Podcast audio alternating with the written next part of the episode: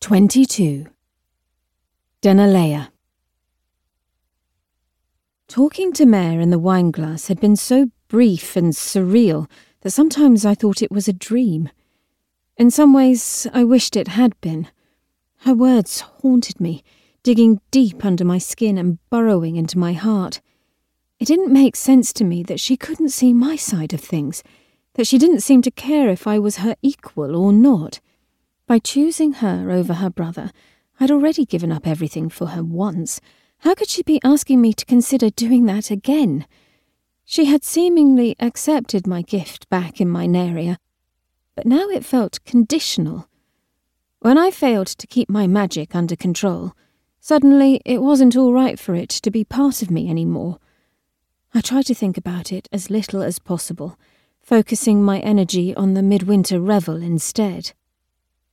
In spite of my confidence when talking to Mare, outright winning the competition at Midwinter seemed impossible. Eric and Ikri would fight ruthlessly, and as fond as I'd come to be of Evie and Tristan, their powers were also formidable. The only person who might have the answers I needed to master my abilities was Sigvar, and I also still wanted to know how the boy from Duvet had ended up in his cult. I needed to get to the prison as soon as I could. However, it turned out to be more complex than I expected. Are you sure this is going to work? I asked, shivering in my black cloak. Powdery snowflakes fell from the night sky to sting my face. Tristan, Evie, and I stood in the middle of the grand temple ruins with only a small mage light to see by. It should, Tristan said. I can try pulling us back into the Shadowlands if we end up in the wrong place. Casing the prison the week before had been less helpful than I'd hoped. The building was embedded in the side of the mountain, meaning most of the cells were deep underground with no windows or other ways to get a sense of the layout from the outside. The front of the building seemed to contain mostly administrative offices, processing rooms, and temporary holding cells for criminals who had committed only minor infractions. I don't know why you question me about the layout, Evie said. I'm telling you, I can feel it, and it looks just like this. She gestured to the slip of paper in front of us. After his ice wine had gone over very well, Tristan had talked me into letting Evie in on the plan. Her earth magic let her sense the structures underground that we couldn't see, and she'd managed to draw us a crude map based on what she could tell from how the building was built into the mountain. We can do this if we all trust each other, I said. My role was to provide Tristan with a little extra magic to help make our shadow walk easier. Then let's go, it's colder than the balls on a brass horse out here, Evie said. Aim for this area.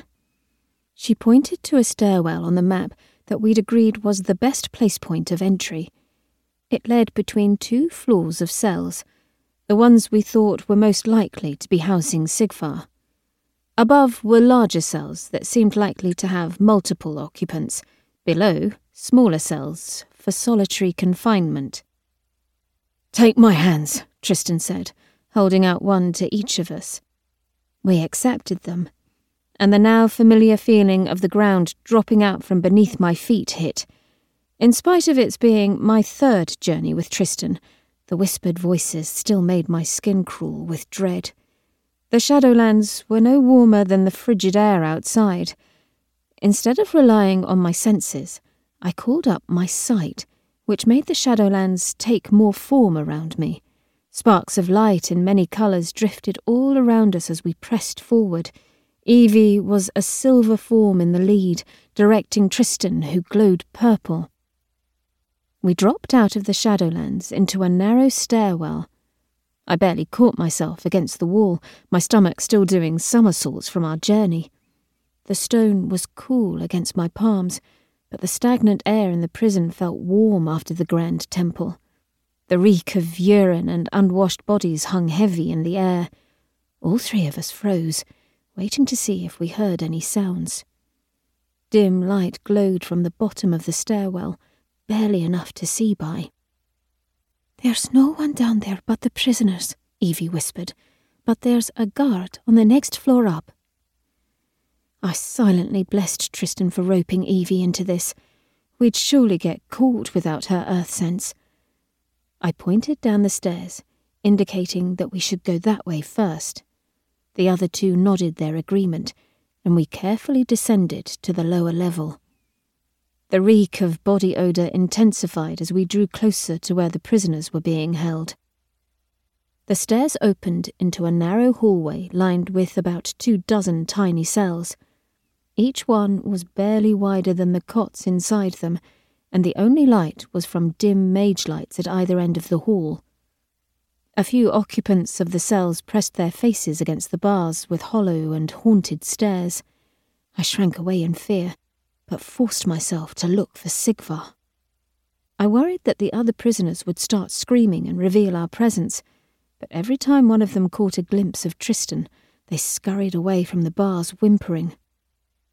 What are you doing to them? I asked him in a whisper. When they look at me, they see the face of someone they know who died, he whispered. I shuddered. Isn't that rather cruel? Better they think they've seen a ghost than alert the guards to our presence, Tristan said. You ever do that to me, and I'll turn you into stone and then pound you into gravel, Evie threatened.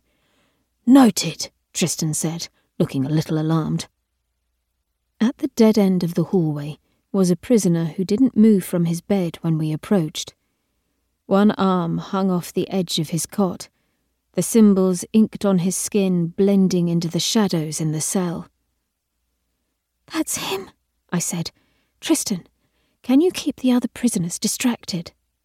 He nodded and paced back the way we'd come to make sure everyone was too frightened to be curious about what we were doing.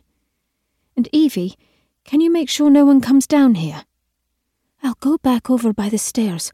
Worst case scenario, I can avalanche some rocks to block the stairwell.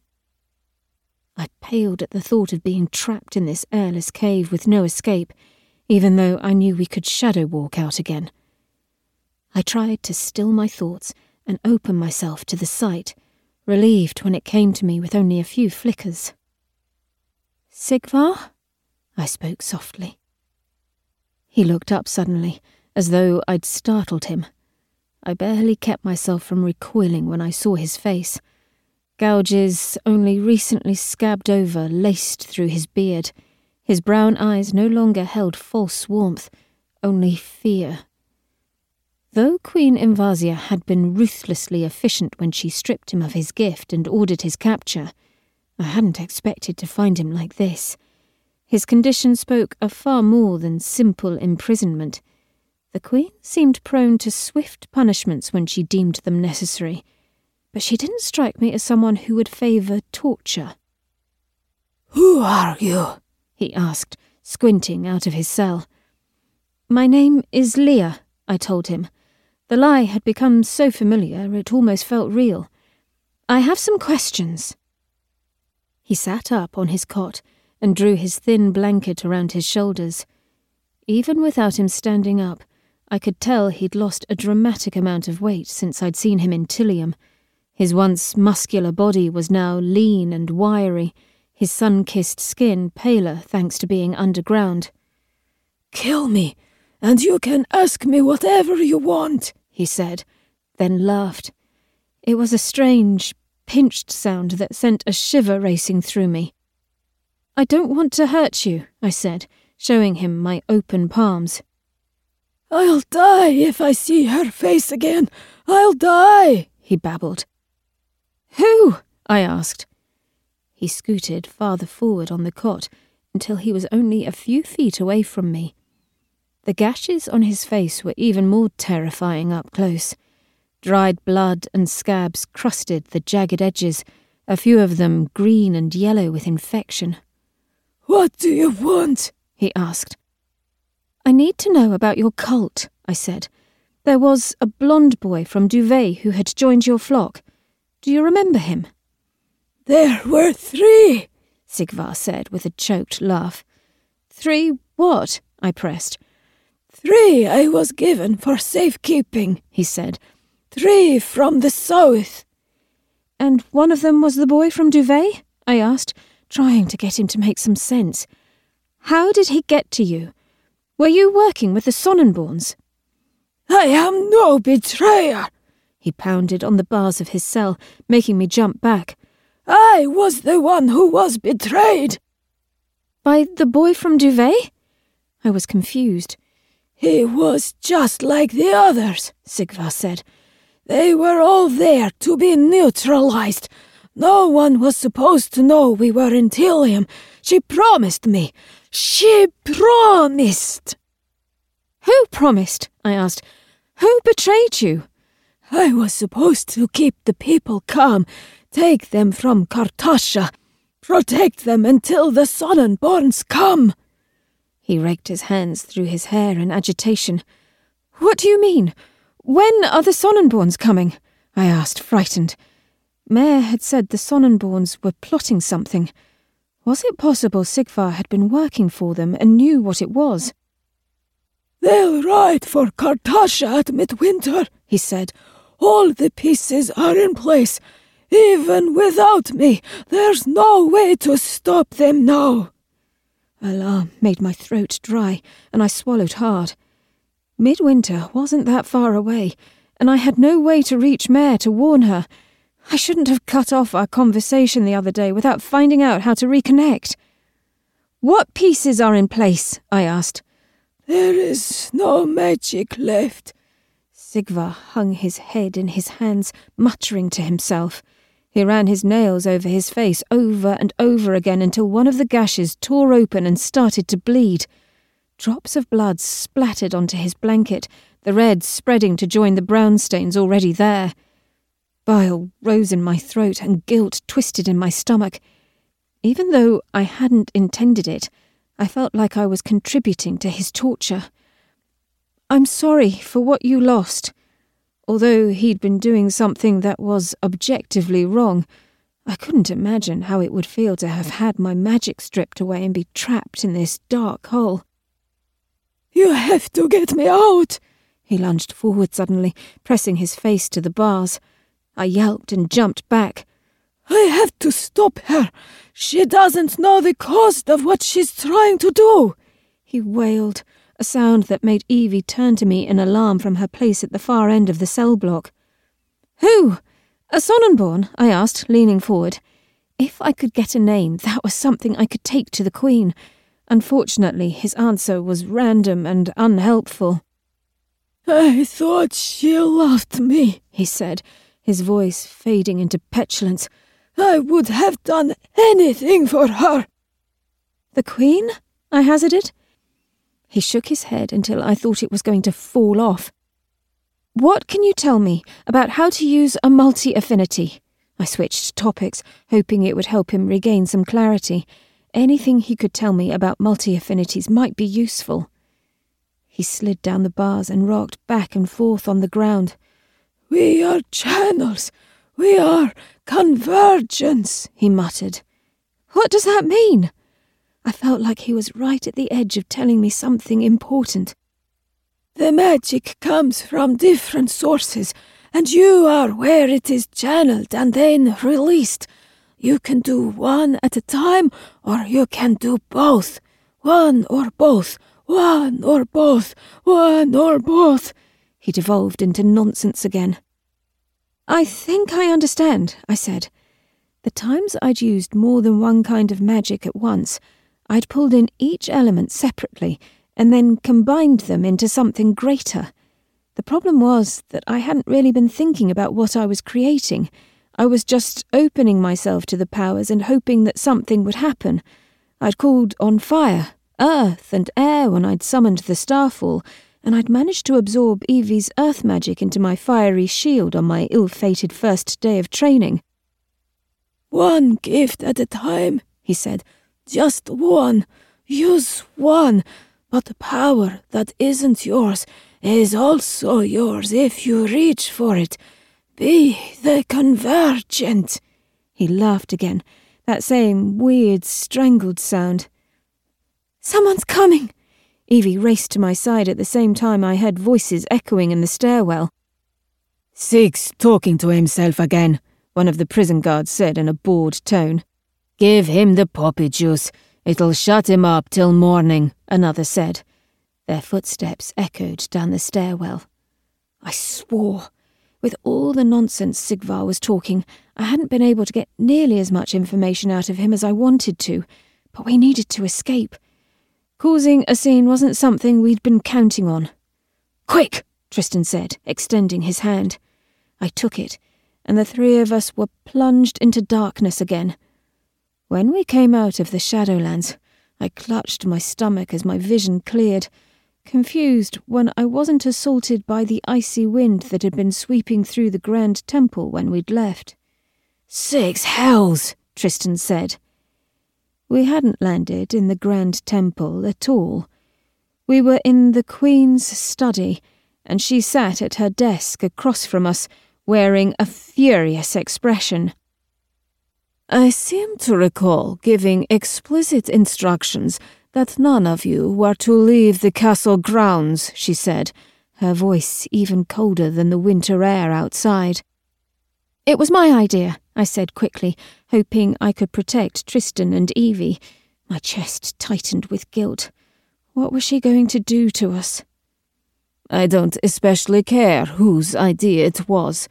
She stood up and came closer to us, stopping in front of Tristan. Your gift isn't a ticket to go wherever you please. Of course, Your Majesty, he said, but in spite of his repentant tone, the muscles in his jaw stayed tight.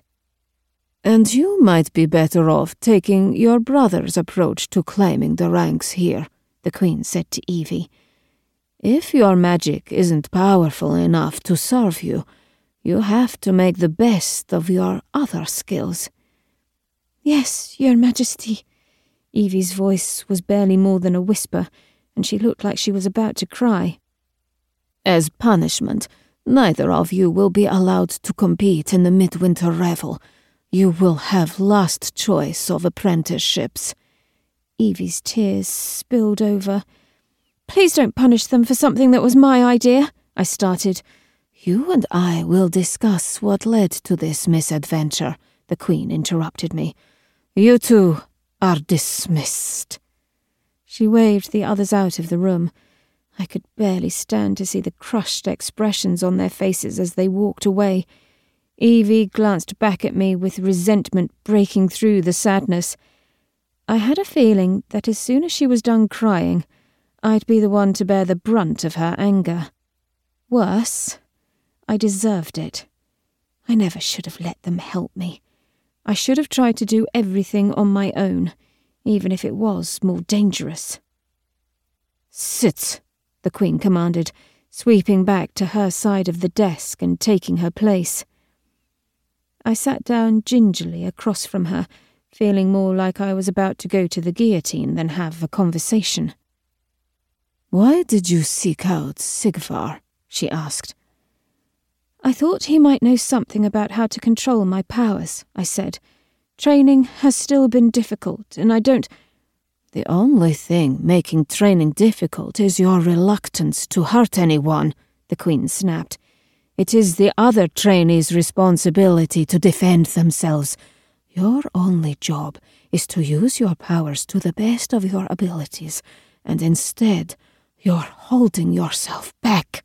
Sigvar can't help you with that. No one can. You've spent your whole life with other people telling you what to do, and now you're waiting for permission to own what already belongs to you. Her words cut deeply. I didn't want to hurt anyone, but there was a grain of truth to her words. My life had not been filled with choices about my future. My studies had always been dictated by the plans my parents had mapped out for me.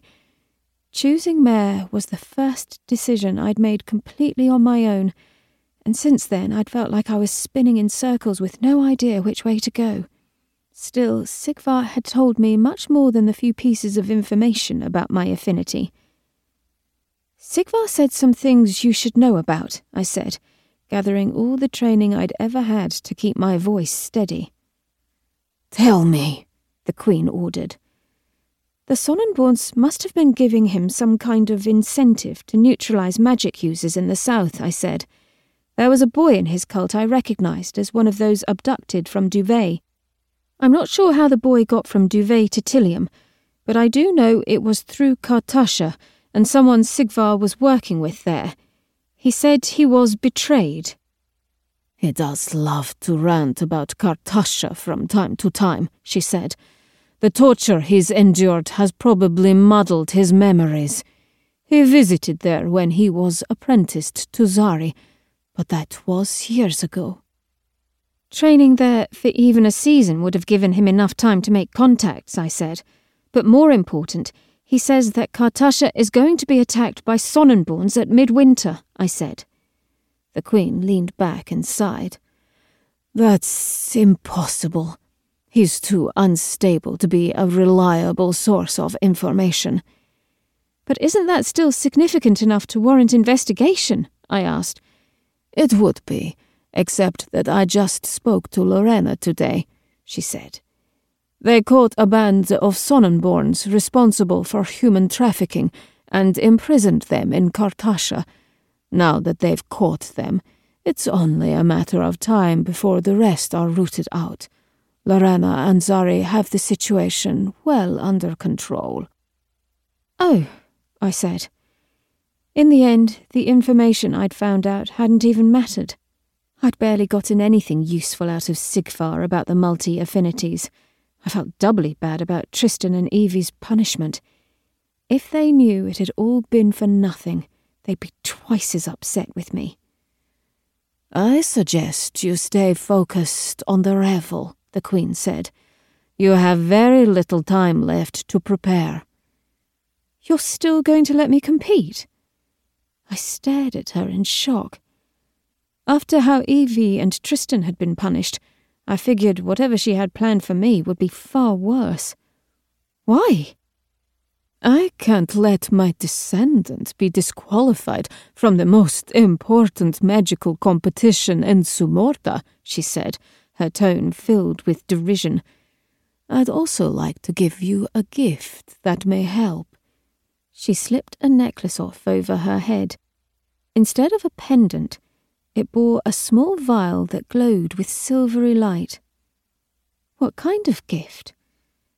I didn't understand why she was helping me instead of punishing me, and it filled me with guilt and anxiety a gift that will strengthen our familial bond and help you see more ways to use your powers, she said. Is that Sigvar's affinity? I asked, gesturing to the vial. I remembered when she had taken his powers in Tilium. Not exactly, she said. It's an essence that will temporarily impart some of his abilities. I don't think I need any more magic, I said. I could barely manage what I already had, and perhaps demurring would assuage some of my guilt. The Queen laughed softly. Don't worry, little bird. I wouldn't want to give you any more of those kinds of gifts, but if you'll accept it, I'd like to give you a blessing of sorts. A blessing? I wasn't familiar with how that would work, if not connected to the gods in some way. Back home, I'd only ever heard of clerics giving blessings. You'll take a vow to knowledge, and the blessing will help you see more ways to use your gift, the Queen said. Trust me, you'll find it very helpful. Think of it as a way of augmenting your magic rather than receiving something new. It's quite safe. I suppose I can take a vow to knowledge, I said. It sounded harmless enough, and my whole life had been dedicated to the pursuit of knowledge anyway. Good. She uncorked the vial on her necklace and drank the contents.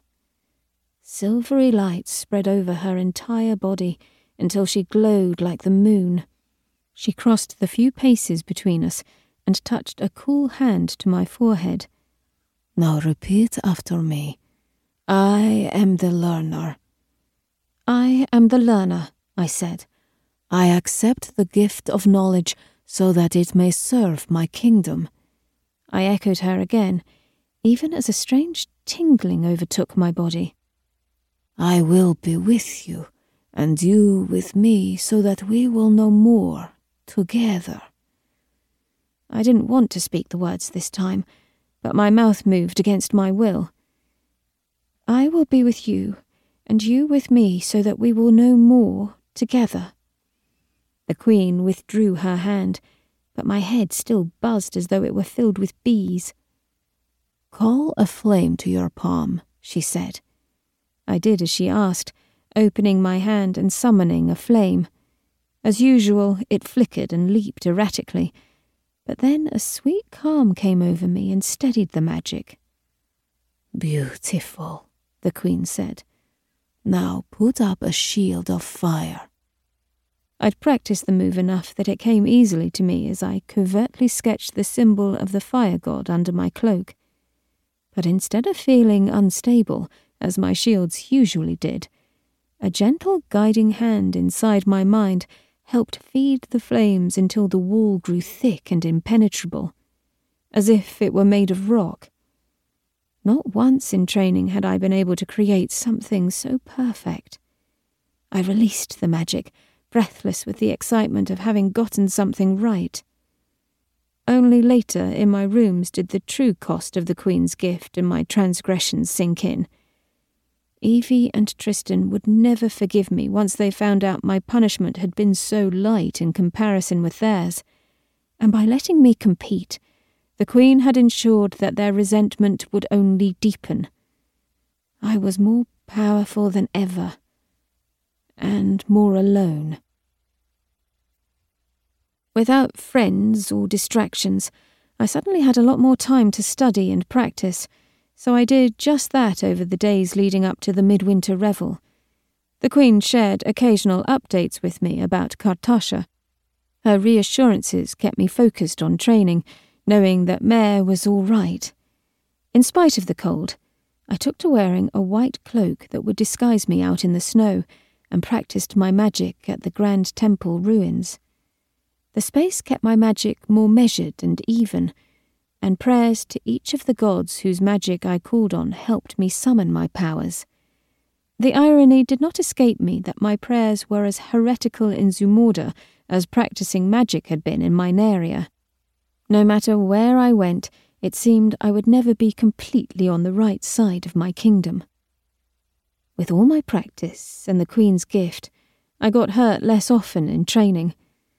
But it was Sigvar's words that ultimately changed everything. Be the convergent, he'd said, and I'd thought of the words often, but didn't understand their meaning until I put them to work in training. I stood across from Ikri, whose pale blue eyes were filled with hate. We'd moved from training exercises to true combat and every time I stood across from an opponent, I still felt like an impostor. Ikri terrified me the most. Her ruthlessness wasn't even the worst thing. It was the way she toyed with her opponents until they were practically begging her to stop. And go, Rynan said. My shield was only half up when Ikri went on the offence. She smashed through my shield with a single blow, scattering my fire with her wind. I scurried to the side, narrowly avoiding a gust of air that would have knocked me off my feet. Next, she skipped some of the showier spells she often favoured, instead choosing to draw the air out of my lungs in the same way I'd seen Karina do to Sigvar in Tilium. But it was one of Ikri's favourite moves for a quick takedown, and I knew it was coming. I activated my sight. Threads of magic connected her to me as she beckoned the air from my body. For the first time, it occurred to me that maybe I could use them. I let Ikri's magic continue to draw on me even as my shield went up, a shimmering wall of flame that flickered through the air a few feet away from me. I made it weak on purpose, hoping to give her plenty of confidence that she could take me down without a fight. Nice shield, she said, her tone biting. I smiled. Nice spell! I choked out, and let the little tongues of flame wind themselves around the threads of magic connecting us. Then I drew her power into me. She'd expected me to try to snap the connection between us, but instead, I channeled her magic into my own. The pressure on my lungs immediately eased, and my shield grew brighter. What are you doing? she snarled, cutting off her spell. Giddy with power, I held my shield steady and waited for her next move. I didn't have to go on the offence to defeat her, and I knew it.